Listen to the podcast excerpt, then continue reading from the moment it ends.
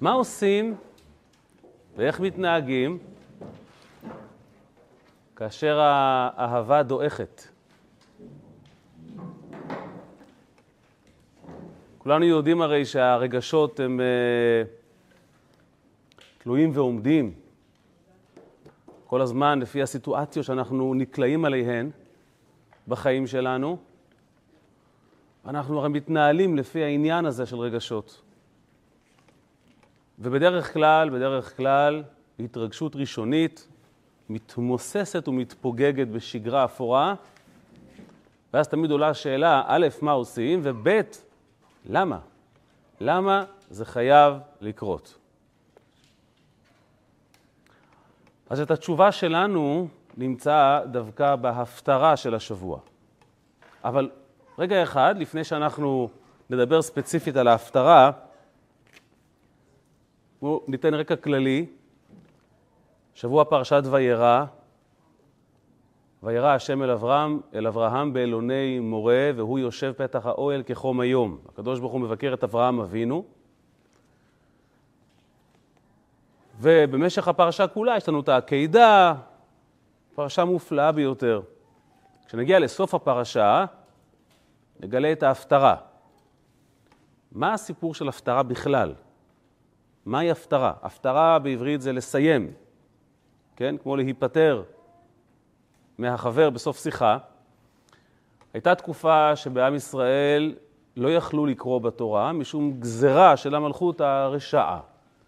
וכיוון שלא יכלו לקרוא בתורה, אז כדי לא לבטל את המנהג שקוראים בציבור משהו קדוש, אז החלו לקרוא מהנביא. קטעים מהנביא, ומן הסתם חיפשו קטעים בנביא שמזכירים לנו את הפרשה. וככה התאימו קטע מהנביא לפרשה, חלף הזמן, הגזרה התבטלה, חזרו לקרוא בספר התורה, אבל את התקנה הזו של קריאת הנביא לא ביטלו. וכך עד היום יש לנו גם את הפרשה שקוראים מהחומש וגם את ההפטרה. אנחנו יודעים שתורתנו תורת אמת, והקשר בין ההפטרה לפרשה הוא לעולם לא מקרי. אין, אין סתם בתורה. התורה היא אמת ואמת היא מוחלטת. לכן חייב להיות קשר הדוק בין הפרשה לבין ההפטרה. ופה, השבוע קורה דבר מעניין, כי כשאתה פותח את ההפטרה, יש איזה מין קדימון שקצת מיותר לכאורה.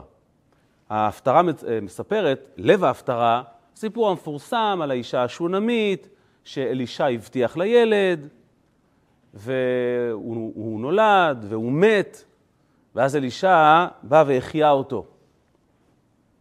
זה מזכיר את סיפור העקידה כמובן, שאברהם אבינו ציפה לילד, ולפתע פתאום הוא מקבל ציווי לשחוט אותו, פלא גדול. ובסוף אומר לו הקדוש ברוך הוא, אל תשלח ידך אל הנער. בסדר גמור, אז מתאים, ישנה התאמה בין ההפטרה לבין הפרשה. אבל מי שיקרא את ההפטרה יגלה שהיא מתחילה הרבה לפני, בסיפור שלא קשור בכלל לפרשה שלנו. מה הסיפור? הימים ימי המלך אחאב. המלך אחאב הוא המלך השמיני של מלכי ישראל. אחרי שלמה המלך, מלכות עם ישראל התפצלה לשניים, מלכי בית יהודה ומלכי ישראל. והמלך אחאב היה המלך השמיני בכרונולוגיה של מלכי ישראל, תקופת אליהו הנביא. אליהו אז היה הנביא שהתנבא והורה לעם ישראל ללכת בדרך השם. אחאב לא כל כך השתלב עם ההוראות של אליהו הנביא, ולמעשה, למעשה, רשומות עליו כמה מהעבירות הגדולות. בין המלכים, הוא הראשון שבאופן רשמי הקים מקדשים לבעל, לעבודה זרה, ועודד אותם, ואשתו איזבל, שמה ידוע, כולם מכירים את איזבל, היא בכלל עשתה שם טרור שכולם צריכים לעבוד לאל הכנעני. בקיצור, סיפור די, די עצוב. אליהו הנביא היה זה שאמר לאחאב, הרצחת וגם ירשת, כאשר אחאב ואיזבל חמדו שם את הכרם של אה, אה, נבות הישראלי. בקיצור, תקופה אפלה. אבל בתוך התקופה הזו, ההפטרה שלנו מתמקדת על אירוע מאוד מעניין. בגלל שאחאב היה רשע, והוא העסיק נביאי בעל, זאת אומרת נביאים, רשעים, מרושעים, וטיפח אותם. אז נביאי ישראל האמיתיים חששו לחייהם ופחדו, ולכן הם נאלצו להתחבא. וזה היה חתיכת ארגון להחביא אותם, כי תחשבו על תקופה שבה אין נביא אחד. אצלנו, אם נראה ברחוב נביא, אז באמת נביא אותו הביתה מרוב התרגשות. אבל אז נביא לא היה דבר כל כך נדיר, היו עשרות נביאים. ומישהו היה צריך לתפעל את המחבוא שלהם. מאה נביאים, כתוב, מאה נביאים התחבאו תחת חסותו של עובדיה הנביא. עובדיה הנביא חי גם באותה תקופה, והוא החביא מאה נביאים. וצריכים להאכיל אותם ולכלכל אותם, אז הוא פשוט התעסק עם העניין הזה. הוא היה לווה כספים, והוא משלם ומגלגל, ולמרבה הפלא, האדם שאיתו הוא התעסק, וממנו הוא לווה כספים, היה הבן של אחאב, יהורם. מי שימלוך אחרי אחאב, לא מיד, היה לו אח בכור, אבל הוא ימלוך דור אחד אחרי אחאב. הוא זה שהלווה את הכספים לעובדיה. וככה עובדיה התנהל, וחלקל את אותם נביאים והחזיק אותם על חשבונו. אבל אז קרה המקרה, ועובדיה הנביא נפטר. אפשר לומר, זה לא כתוב, אבל אפשר גם להבין, העול, הלחץ וכולי וכולי, זה לא פשוט, והוא נפטר. ואז למעשה, שוד ושבר. כשהוא נפטר, זה כבר היה אחרי שאליהו הנביא עלה בסערה השמיימה, ואת אליהו הנביא החליף תלמידו, הנביא אלישע. וכך מתאר, מתואר בספר מלכים, איך אשתו של הנביא עובדיה מתדפקת באימה בביתו, על דלת ביתו של הנביא אלישע, היא באה בזעקה. היא אומרת לו, תקשיב, בעלי מת והחובות נותרו ואני צריכה להתמודד ואין סנטימנטים. זה לא בימינו שאם אתה לא מחזיר את החוב לעירייה, אז מגיע צו עיכול ראשון, שני, שלישי, ואז מקסימום סוגרים לך את, ה, את המים. פה, אם אתה לא משלם את המס, את החוב, אז לוקחים לך את הילדים, מעקלים לך את הילדים לעבדים. אין פה משחקים. היא אומרת לו, אתה חייב להציל אותי. ואישה אחת, מנשי בני הנביאים, צעקה אל אלישע לאמור. הפרשנים כותבים שאשתו של עובדיה וכולי וכולי. עבדך אישי מת, ואתה ידעת כי עבדך היה ירא את השם. אתה הכרת את בעלי. והנושה, זה שחייבים לו כסף, בא לקחת את שני ילדיי לא לעבדים. אתה מוכרח לעזור לי, צרה צרורה. ויאמר אליה אלישע, מה אעשה לך? הגידי לי, מה יש לך בבית? טוב, בוא נעשה את זה ככה. מה כן יש לך בבית? מה נשאר? כי היא כנראה לא הגיעה מיד כשבעלה מת. היא עוד המשיכה לתפעל את העניין הזה עד שכלו כוחותיה ונגמר ממונה, ורק כשכלו כל הקיצים, אז היא הגיעה בזעקה, כי כבר ממש איימו עליה. אז מה נשאר לך בבית? והיא עונה לו, ותאמר, אין לשפחתך קול בבית, כי אם אסוך שמן. נותר לי הכלי שבא, שבאמצעותו לוקחים שמן. סחים שמן. זה מה שנשאר לי, הכלי. ויאמר לה הנביא, שאלי לך כלים מן החוץ. תקשיב לי טוב, לכי ותאספי כלים. מהשכנים, ממי שאפשר, פשוט תיקחי כמה שאפשר, מאת כל שכנייך. כלים ריקים אל תמעיטי. סירים, דוודים, מה שאפשר. ובאת וסגרת הדלת בעדך ובעד בנייך, ויצקת על כל הכלים האלה. מעט, הטיפונת השמן האחרונה שנותרה בקצה של הכלי שנקרא אסוך שמן, תצקי אותו, תתחילי לצעוק אותו על הכלים הריקים שאספת ואגרת, והמלא תסיעי. כן? זאת אומרת, את תראי ש... ש... מה שהתמלא, הסיר הראשון שהתמלא, שימי בצד, תביאי סיר חדש, פשוט תפני מקום, תדאגי כל הזמן שיהיה ריק כדי שיתמלא. טוב, זה באמת פלא גדול. ותלך מאיתו ותסגור הדלת בעדה ובעד בניה, הם מגישים אליה והיא מוצקת, ויהי כמלות הכלים, ותאמר אל בנה, הגישה אליי עוד כלי, ויאמר אין עוד כלי. ברגע שנגמר הכלי, ויעמוד השמן. זאת אומרת, כל עוד היה כלי למלא, השמן הלך והתמלא. שנקרא נס חנוכה על סטרואידים. שמן ושמן ושמן, ותבוא ותגד לאיש האלוקים, ויאמר לכי מכרי את השמן ושלמי את נשייך ואת ובנייך תחיו בנותר. הנה, שמן הוא מצרך יקר, לכי תמכרי את, ה, את השמן ועוד יישאר לך עודף, זאת אומרת להחזיר גם ליהורם בן אחאב, מה שמגיע לו, ולך עוד יישאר לחיות עם מה שנשאר והכל יהיה בסדר. זה סיפור מופלא שאין כדוגמתו. מקסים, אבל שום קשר לפרשה. שום קשר. מה קשור? אמרנו שההפטרה צריכה להיות להתממשק עם הפרשה. זה סיפור באמת מיוחד מאוד. מה זה קשור לפרשתנו? כדי להבין את הקשר לפרשתנו, בואו נחזור אחורה. וירא השם אל אברהם באלוני מורה. והוא יושב פתח האוהל כחום היום. למה הגיע הקדוש ברוך הוא? למה נראה לפתע הקדוש ברוך הוא אל אברהם אבינו? מה, מה הסיבה? אז כולנו יודעים. אתה מסתכל ברש"י מיד, רש"י מיד נדרש לשאלה הזו. כי רש"י הרי אמרנו, הוא, הוא השוטר תנועה של הפשט. כל אחד מיד ישאל, מה, מה, מה קרה? אומר רש"י, לבקר את החולה. יום שלישי למילה היה לבקר את החולה. ואתם הרי מיד תשאלו, מאיפה רש"י יודע? מה, סתם להגיד תשובות? אולי הוא סתם בא לביקור נימוסין, לדרוש בשלומו. הפסוק הזה מכריח ומוכיח שהקדוש ברוך הוא הגיע לבקר את החולה? כן, התשובה היא כן. אם רש"י הוא השוטר תנועה של הפסוקים, אז הרבי הוא השוטר תנועה של רש"י. הרבי אומר, מאיפה רש"י הגיע למסקנה שהקדוש ברוך הוא בא לבקר את החולה? כי חייב להיות היגיון, אה? אוקיי, אבל אולי הוא סתם הגיע, הרי התחילה פרשה חדשה. נכון שהוא עשה ברית מילה קודם, אבל הקדוש ברוך הוא הגיע אליו, סתם לבקר אותו, ידידים? לא. מוכרחים לומר שהוא הגיע לבקר אותו בגלל חוליו, ולמה? משום שזו הפעם הראשונה והאחרונה והיחידה בתנ"ך שאלוקים מתגלה ולא אומר כלום. חשבתם על זה? תמיד כשאלוקים מתגלה, הוא מגיע כדי לומר משהו. בא כדי להנחות, כדי להדריך. ויאמר השם אל משה, כה אמר השם, ויאמר לו. יש שיח בדרך כלל, אלוקים לא סתם מתגלה, שלום, זה לא עובד ככה. אלוקים מתגלה כשישנה הוראה. ופה אלוקים, וירא אליו השם, וכלום לא מתרחש. אז, אז רש"י הוא הפשטן האולטימטיבי, הוא מיד אומר לעצמו, אז למה הוא הגיע? אין תקדים לביקור חסר מילים כזה. מוכרחים לומר שמטרת הביקור לא הייתה כדי לצוות ולא כדי לומר שום דבר.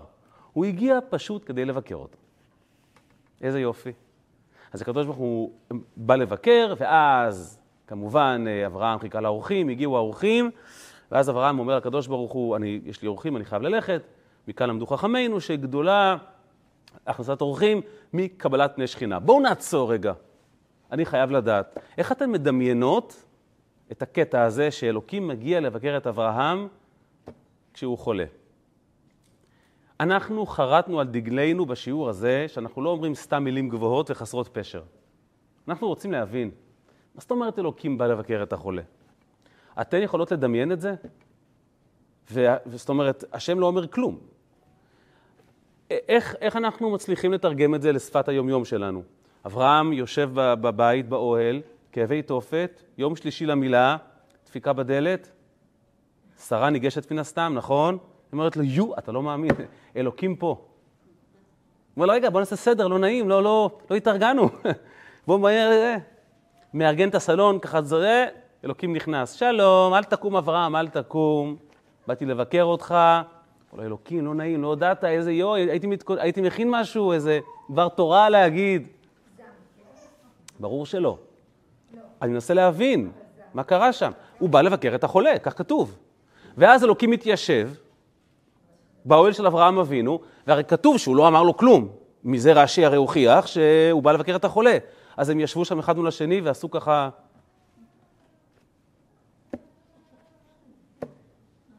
זה פשוט מביך. מה זאת אומרת לא דיברו? כאילו, אז מה... אז מה הפירוש שהוא ביקר אותו? והכי מדהים שפתאום אברהם מזהה אורחים שמתקרבים. אז הוא אומר לקדוש ברוך הוא, יו, לא נעים, איזה... פשוט באים, אז בסדר, אני, רק, אני רץ, אני כבר, אני כבר חוזר, בסדר? והוא רץ לה, לקבל שלושה ערבים שהגיעו מרחוק.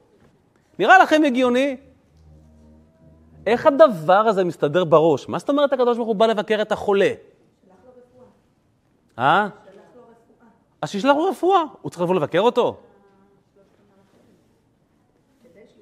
צריכים, מוכרחים, מוכרחים, בשביל להבין את הסיפור הזה לעומק ואת הקשר להפטרה, לצלול אל הפנימיות. אחרת זה באמת נשמע לא, לא הגיוני.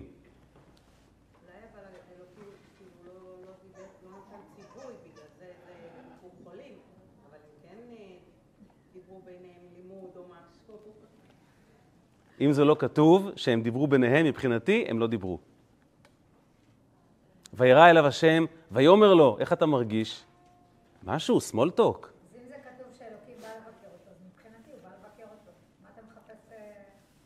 אני רוצה להבין איך זה שאלוקים בא לבקר, איך זה נראה. אני רוצה להבין. אני יכולה לחשוב. אז אני לא. לא, לא על אלוקים. אז תקשיבי, הנה, אז תשמעי את ההסבר, תהיי איתי ותראי את ההסבר. ההסבר הוא כזה. ברור שכל התיאור שאמרתי קודם, הוא, זה, לא, זה לא רציני, למרות שאין מקרא יוצא מדי פשוטו, אבל, אבל מה הפשט? ההסבר הוא כזה, לא שהייתי שם. לקח מוסבר בחסידות. חולה, המושג חולה, יש לו משמעות רוחנית עמוקה. חולה בגימטריה 49, ככה אריזל כותב.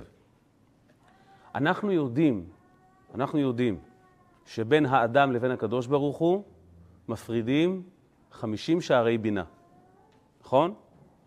הרי האדם רוצה לדעת את אלוקיו, להבין. כשאתה מבין מישהו, אתה מחובר אליו, נכון? לו יכולת להבין את אשתך, הכל היה נראה אחרת.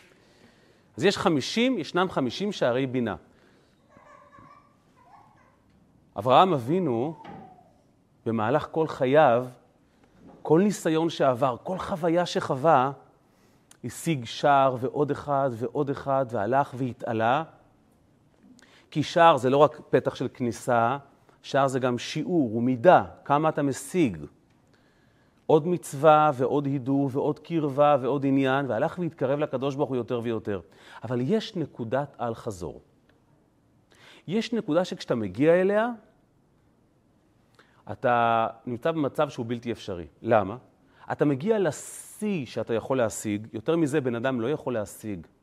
אבל שם אתה נמצא במצב של כיליון ותשוקה לקדוש ברוך הוא, מעוצם הידיעה שהשגת והקרבה שהשגת, אתה, נשמתך פורחת. אתה לא יכול להכיל את המידע הזה וככה להמשיך לחיות בכיף. אתה לא יכול. זה חזק מדי, זה עוצמתי מדי, זה אלוקי מדי. הגוף לא יכול לשאת את, את, את, את עוצם המידע האלוקי הזה. אברהם אבינו, ברית המילה שלו הייתה פסגת הקשר עם הקדוש ברוך הוא. כשאברהם אבינו עשה ברית מילה, הוא הגיע לשער ה-49. כי חולה בגימטריה, 49. הוא הגיע לרמה הגבוהה ביותר שבן אדם יכול להעפיל אליה במסע אחר הבורא. ושם הוא נעצר. כי פה, מפה, אין לאיפה להתקדם. את השער החמישים, את החתיכת פאזל האחרונה, שהתמונה כולה תתבהר, את זה הקדוש ברוך הוא מעניק לך, את זה אתה לא יכול לקחת. איך אנחנו יודעים? ממשה רבינו. משה רבינו נפטר ונטמן איפה? בהר נבו. למה נקרא הר נבו הר נבו? כתוב בחסידות, אומר המגיד ממזריץ', הר נבו נקרא כך, נבו מלשון נון בו. משה רבינו ביום הסתלקותו קיבל מהקדוש ברוך הוא את שער הנון, שער החמישים. עד יום הסתלקותו היה משהו אחד, חלק אחד חסר בפאזל. ביום הסתלקותו הושלמה עבודתו, ולכן הוא נטמן בהר שנון בו. אז... אה? אם אדם מעפיל לפסגה הגבוהה ביותר שהוא יכול להשיג, הקדוש ברוך הוא משלים לו משל עצמו. אברהם אבינו עלה והתעלה עד שהגיע ל-49 שערי בינה. זה אומר השגה, הבנה, הידבקות. ואברהם אבינו, אחרי ברית המילה שלו, נכנס למצב של סכנת נפשות אמיתית, לא בגלל כאבי הברית. הוא עבר דברים יותר קשים בחיים. לא בגלל הדימום, בגלל שעוד רגע ונפשו עוזבת את גופו. אתה לא יכול להכיל את העוצמה הזו של האלוקות שהגעת אליה, ופשוט להמשיך לחיות. זה לא עובד. אם הקדוש ברוך הוא לא יעשה משהו, כאן אברהם אבינו סיים את תפקידו בעולם הזה. כמו שמשה רבינו, אתה, אתה, אתה לא יכול. אי אפשר להכיל את זה. ואז כשהקדוש ברוך הוא בא לבקר את החולה, זה לא ביקור נימוסים של ערב טוב, שלום לך, לא, זה לא עובד ככה. הקדוש ברוך הוא וירא אליו, זאת אומרת, הקדוש ברוך הוא העניק לאברהם אבינו את שער הנון. הקדוש ברוך הוא השלים בשביל אברהם אבינו את אותה פיסה שבעצם משלימה את כל הפאזל. עם הפיסה הזו אתה יכול לחיות. כי זה כבר לא בכוח האדם, זה כבר בכוח האלוקים. כשהקדוש ברוך הוא הגיע לבקר את החולה, כתוב שהוא הוציא חמה מן הרתיקה. אנחנו יודעים שהשמש מבטא דרגה אלוקית גבוהה, י' כ' ו' כ'. הקדוש ברוך הוא הגיע, מה שנקרא, עם הדרגה הגבוהה ביותר שלו, והשלים לאברהם את מה שבן אנוש לא יכול להשיג בכוחו. וככה אברהם פשוט ניצל, כי אחרת כלו כוחותיו. הברית הזאת עם אלוקים זה לא דבר פשוט. וזה הכוונה לבקר את החולה. הקדוש ברוך הוא פשוט נתן לו את המתנה הזו של שער החמישים. זה, זה מזכיר את הסיפור על, על אדמו"ר הזקן, שנכנס לבית הסוהר כשאסרו אותו, והוא התבונן בזכות שיש לו להיאסר בשביל הפצת תורת הסוד, וזה כל כך רומם אותו וכל כך... זה, זה הרי, אם, אם נאסרת, זאת אומרת שעשית כל כך הרבה פעולות שהשטן נלחם בך, זו דרגה לא, לא פשוטה. ו... ובאותו רגע כמעט פרחה נשמתו. מהזכות, מהמתיקות, מהאושר, מה... הוא היה צריך פשוט שיקרה משהו כדי שהוא ימשיך לחיות. אצלנו האתגר בחיים זה טיפה להרגיש אלוקות, זה טיפה לחוש ככה קצת רוחניות. אצלם, אצל האנשים הללו, אברהם, משה רבינו, אדמו"ר הזקן, האתגר הוא להכיל את כל ההשגות האלה ולהישאר חי כמו שאתה, לקום בבוקר. זה, זה קשה מאוד. תנסו לדמיין אתכן, אני אומר כל אחד לפי השגותיו, זה לא מתקרב, אבל אדם מאוהב בפול ווליום כל החיים. אתה לא אוכל, אתה לא שתה, אתה לא ישן, אתה תמות. אי אפשר, אתה לא יכול. הכוחות פשוט יגמרו עליך. אז אצלם זה פי כמה וכמה וכמה, בכלל מעבר להשגה שלנו. אז הדמור הזה כן ניצל כאשר הגיע אחד מהשרים שם, והקשה קושייה ואמר לו, למה הקדוש ברוך הוא פנה לאדם הראשון ואמר לו אייכה? הוא לא יודע איפה הוא. חשל אחד השרים את האדמו"ר הזקן, כי ידעו שהוא איש חכם, והאדמו"ר הזקן, והאדמו"ר הזקן ענה לו שהאייכה שאלוקים שואל, הוא בעצם שואל כל אחד, האם אתה מבצע את תפקידך, בלי דרמות. אתה מפוקס בתפקיד שלך, אז תעשה אותו כמו שצריך, וזה פשוט נתן לו את הכוח, כמו שהקדוש ברוך הוא ריפא את אברהם, את הכוח לאדמו"ר הזקן להמשיך במסע בלי שטיפח נשמתו. אז הקדוש ברוך הוא בא לבקר את אברהם ונתן לו את שער הנון, ופשוט בכך ריפא אותו. אברהם יכל להמשיך את המסע עם כל ההשגות ועם כל האלוקות שהוא פתאום הכיל פיזית בתוך גופו. יופי. לא הבנתי מה זה השער הזה. אה? לא הבנתי מה זה. זה השגה רוחנית מאוד מאוד גבוהה. הסבר נהדר, יש איתו רק בעיה אחת. מה יוצא לנו מזה? אברהם אבינו הוא אבא שלנו. כל מה שהוא חווה משליך גם עלינו.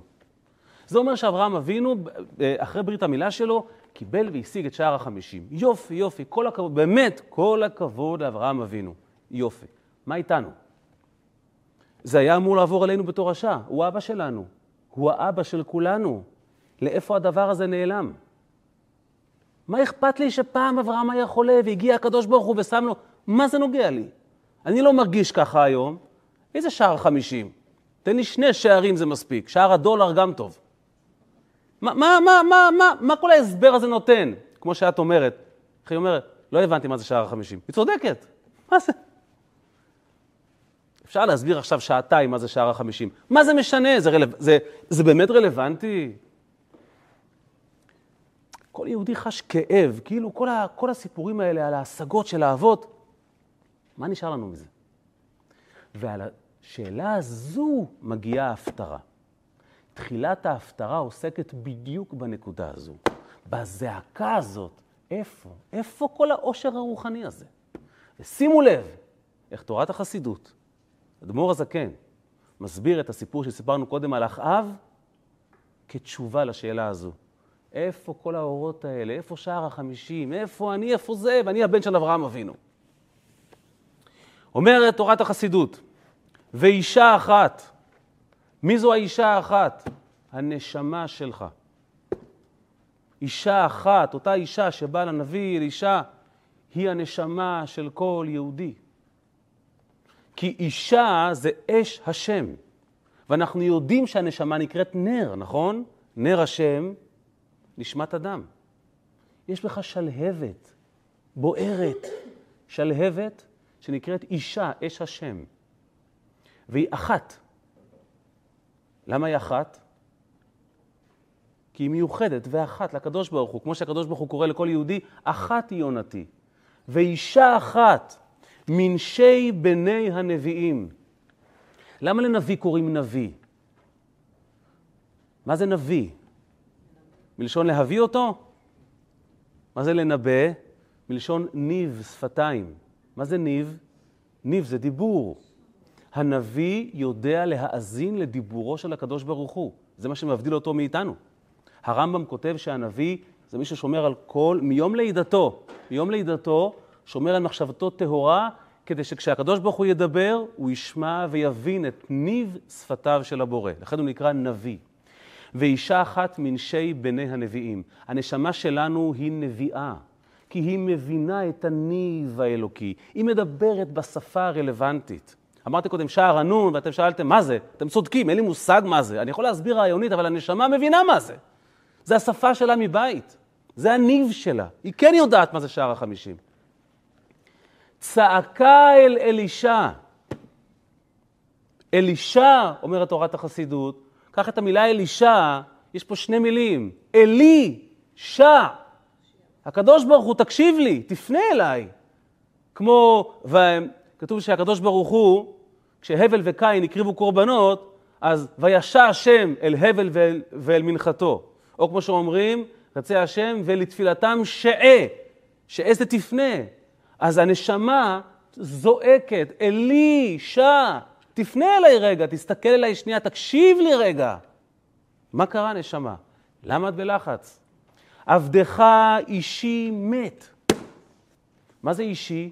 האש שלי. אני הרי אישה, אני אש לוהטת, האש שלי מתה.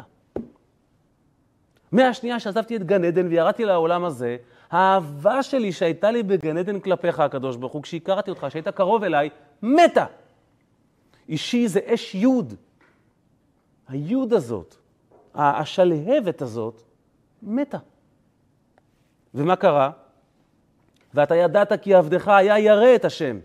ועכשיו ירדתי לגוף, ובתוך הגוף כל האהבה הזאת וכל השאר החמישים הזה אינם. אין אהבה, אין יראה, אין כלום. למה עשית לי את זה? לאיפה שלחת אותי? והנושה בא לקחת את שני ילדיי לא לעבדים. מי זה הנושה? בסיפור המקורי הנושה זה הגובה של הכסף. הנושה יש לו עוד משמעות. נושה מלשון תהום נשייה. מה זה נשייה? שכחה. הנושה, יש מישהו שמאיים עליי להשכיח ממני את, ה, את, ה, את המקור שלי, שאני אשכח מאיפה באתי. מי זה הנושה הזה? הגוף. הגוף הוא נושה, כי נשני אלוקים מבית אבי. ולא רק שהוא, לא רק שהוא מסתיר ומעלים ואומר לי, תשכחי את הבית שבאת ממנו, הוא עוד לוקח לי את הילדים, הקדוש ברוך הוא. מי הם הילדים שלי? אהבת השם ויראת השם. הרי למדנו שהרגשות הם התולדות, הם הילדים של השכל.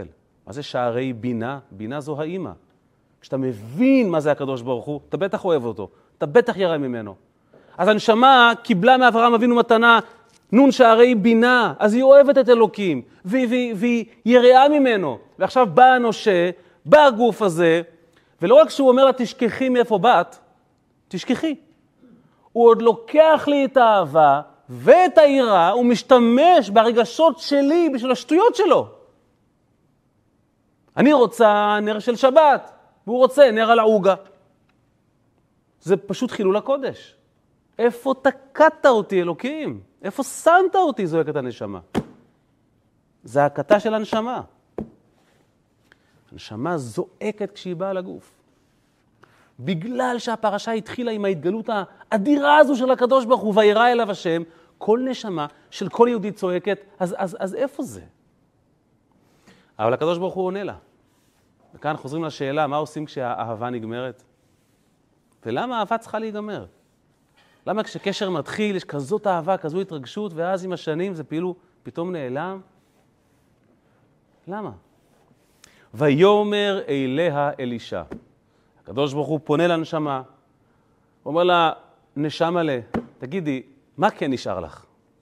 משהו נשאר לך? אני, אני יודע מה קרה, אני, אני האדריכל של העניין. אני זה ששלח אותך מגן עדן. מה כן נשאר לך? אז היא אומרת לו, אין לי כלום בבית, לא רגשות, לא תחושות, אבל יש לי רק אסוך שמן. מה זה? שמן הוא התמצית של כל דבר, נכון? שמן יש בתא הכי יסודי של כל דבר. יש שמן אגוזים, יש שמן בעלי חיים, כי זה, כי זה התמצית, זה יושב ממש בגרעין של כל נברא. אומרת לו הנשמה, תקשיב, הקדוש ברוך הוא, שום רגשות אין לי. אבל מה? נשארתי מי שאני. אמרת אמונה, אמרת יפה. אמונה, מסירות נפש, בלי רגש, בלי שכל. אני לא יודעת למה אני קמה בבוקר ושמה כיסוי ראש. אין לי מושג למה אני עושה את זה. למה אני קם ומניח תפילין? אני לא יודע למה אני עושה את זה. אני לא מרגיש כלום. לא מתחבר, זה לא, זה לא מדבר אליי. אין לי, אין לי. אם, אם, אם הייתי יודע, הייתי אוהב אותך, הייתי עושה את זה בכיף. לא יודע, אני כבר נשוי 20 שנה, אני קם בבוקר ואני אומר, למה אני פה? למה אני פה? בסדר, יש בית, אבל מת, עבדך אישי מת. אבל נקודת התמצית נשארה. נשארתי נשמה, ואני עושה את זה פשוט כי אני עושה את זה. מסירות נפש. אומר לה הקדוש ברוך הוא, אוקיי, עכשיו תקשיבי לי טוב נשמה, הוא אומר לה. לכי תאספי כלים. הכלים אלו המעשים שלנו. ותקשיבי לי טוב, כלים ריקים אל תמעיטי.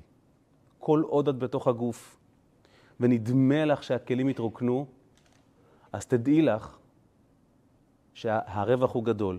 כל כלי שהתרוקן מהאהבה הלוהטת שהייתה, הולך להתמלא במשהו הרבה יותר גדול. למה? כלים ריקים אל תמעיטי. אל תמעיטו בערכם של כלים ריקים. נגמרה לך האהבה, נגמרה התשוקה. אל תמיד בכלי הריק הזה. הוא עכשיו יכול להכיל משהו הרבה יותר עוצמתי. אומר לה הקדוש ברוך הוא, את זוכרת, נשמה יקרה, שכשהיית בגן עדן, לא שמת כיסוי ראש, נכון? ולא שמרת טהרת משפחה, כי לא היה צריך. ולא הנחת תפילין, נכון? ולא הפרשת חלה. אתה יודע למה? אתה יודע למה? כי כשהיית בגן עדן הכרת אותי ואהבת אותי לפי המושגים שלך. זו הייתה האהבה שלך שאותה הקדשת לי. זה מקסים. אין לך מושג באמת מי אני. אני כל כך גבוה, כל כך רחוק, שכל האהבה שלך והיראה שלך זה תחושה שלך. אתה לא יכול להשיג אותי באמצעות האהבה שלך. אני הרבה מעבר לזה. הפתרון היחיד שהיה לי כדי שבאמת תהיה קרוב אליי, זה להוריד אותך למטה, נשמה יקרה, לתוך גוף שיכסה ויסתיר, הנושה את האהבה שלך ואת היראה שלך. האני שלך נגמר. ועכשיו, לראשונה, יש לך צ'אנס למלא את עצמך באני שלי, אומר הקדוש ברוך הוא. כל עוד האהבה שלך באה לידי ביטוי, לי לא היה מקום. זה מקסים, זה רומנטי, זה נפלא, זה לא קשר. זה נחמד. עכשיו את מניחה את התפילין שהם הם אני. עכשיו את שומרת טהרת משפחה שזה אני, זה אני, זה הרצון שלי. את מוסרת את הנפש כדי למלא את הכלי בי. עכשיו אני ואת מאוחדים. ואני אומר לך, אומר הקדוש ברוך הוא, ואת תראי. ובאת וסגרת את הדלת, אספת כלים. אגב, אומר הרד"ק, שאותה אישה הלכה ואספה כלים, והשכנים נתנו לה כלים שבורים. מי יפרגן כלים? ובדבר השם הכלים יתאחו ויתמלאו. זאת אומרת, זה כבר לא כתוב בחסידות, זה אני מתרגם. אפילו הכלים שהיא הביאה היו שבורים. ככה מניחים תפילין. זה כבר מה שנקרא פרשנות 2022. הקדוש ברוך הוא, הכל טוב ויפה, אבל אני לא באמת מניח תפילין, המחשבות שלי רצות לטריליון מקומות, אני, אני אפילו לא עושה לשם שמיים, אני סתם, סתם עושה. אומר הקדוש ברוך הוא, כלים ריקים, סלש, רד"ק, ושבורים, אל תמעיטי. כן, אני מבין, אבל במעשה הקטן והשבור הזה שלך עכשיו, זה נטו, נטו, נטו בשבילי. אני, אין לך בזה שום רגש ושום סנטימנט, וזה כל כך נמוך, אבל את עושה את זה רק בשבילי. וככה אנחנו מתחברים. ואת תראי, ואת תראי שאת ובנייך תחיו בנותר. מה זה נותר? כשהיית בגן עדן והיית קרובה אליי, חשבת שהבנת אותי, חשבת שהשגת אותי. את לא יודעת כמה נותר מחוץ לקשר. אין לך מושג. כמו בני זוג, אתה נשוי חמש דקות, אתה בטוח שכבר הבנת את סוד הזוגיות. אתה נשוי שנה, זהו, אתה יכול כבר, מה שנקרא, להיות, להיות קאוצ'ר לזוגיות. אתה נשוי עשר שנים, או, עכשיו הבנתי איך זה עובד. אחרי חמש עשרה שנה אתה מבין שאתה לא מבין כלום. אחרי עשרים שנה אתה מתחיל לנסות, מה שנקרא, לתרגם את זה למס. אחרי שלושים שנה אתה אומר, תשמע, אני מתחיל להבין, אני מתחיל להבין את, ה, את השוליים של הסיפור הזה. אומר לה הקדוש ברוך הוא, את מבינה כמה נותר מחוץ לקשר בינינו? את רוצה לחיות בנותר? את רוצה לקבל את מי שאני באמת, שהוא מחוץ לגבול ההשגה שלך? רק למטה בגוף גשמי. לנטרל את כל המאוויים שלך, ותהיי איתי. ואת ובנייך, תראי, גם האהבה שלך בסוף תגדל, גם היראה שלך תגדל. עכשיו, אחרי שאת מכירה אותי, האהבה שלך תהיה אהבת אמת, ולא אהבה אגואיסטית. כן, כשאנחנו מתחתנים, אחרי זמן האהבה מתפוגגת, הופכת לעיתים הפוך, זה מתהפך עלינו, לכעס ולמריבות, כי זו, כי זו אותה תשוקה, זה כמו מנוע שהתהפך. זה כמו שמטוס נוחת, יש כזה פטנט לעצור את המטוס, המנוע הופך את, ה, את הכיוון האוויר, המטוס נבלם. אותו רגש, אותה תשוקה, כתוב שאהבה בין איש לאישה זה כמו אש, בניגוד לאהבה של אבא ובן שזה מים. כשאוהבים זה בפול ווליום, וכששונאים זה שורף את הבית. ומצלק אני צוחק, אבל זה מצלק את הנפש. אז למה? אז למה? כי זה השלב הכל כך כואב, שבו הנושה בא לקחת את ילדיי ואומר, למה, התחת... למה התחתנתי? תגיד לי, מה, מה היה שם שאמרתי, yes, I do? מה, אני, אני לא מבין, מה עבר לי בראש? והתשובה היא, מה שעבר לך בראש, זה ההבנה הפשוטה הזו שכל האהבה שלך וכל התשוקה שלך הם שלך. אתה לא יכול לקנות באמצעותם את השני. הרבה נותר מחוץ לקשר. ודווקא ברבות הזמן שהתחושות האלה נעלמות, עכשיו אתה עושה את זה נטו בשבילו. ואתה ממלא את עצמך בו ומתאחד איתו. ואם אתה מצליח להחזיק מעמד, כי הרבה נשברים בשלב הזה, כי זה דור מפונק. אבל אם הולכים על פי תורה ויודעים שזה העניין וזה האתגר, ו...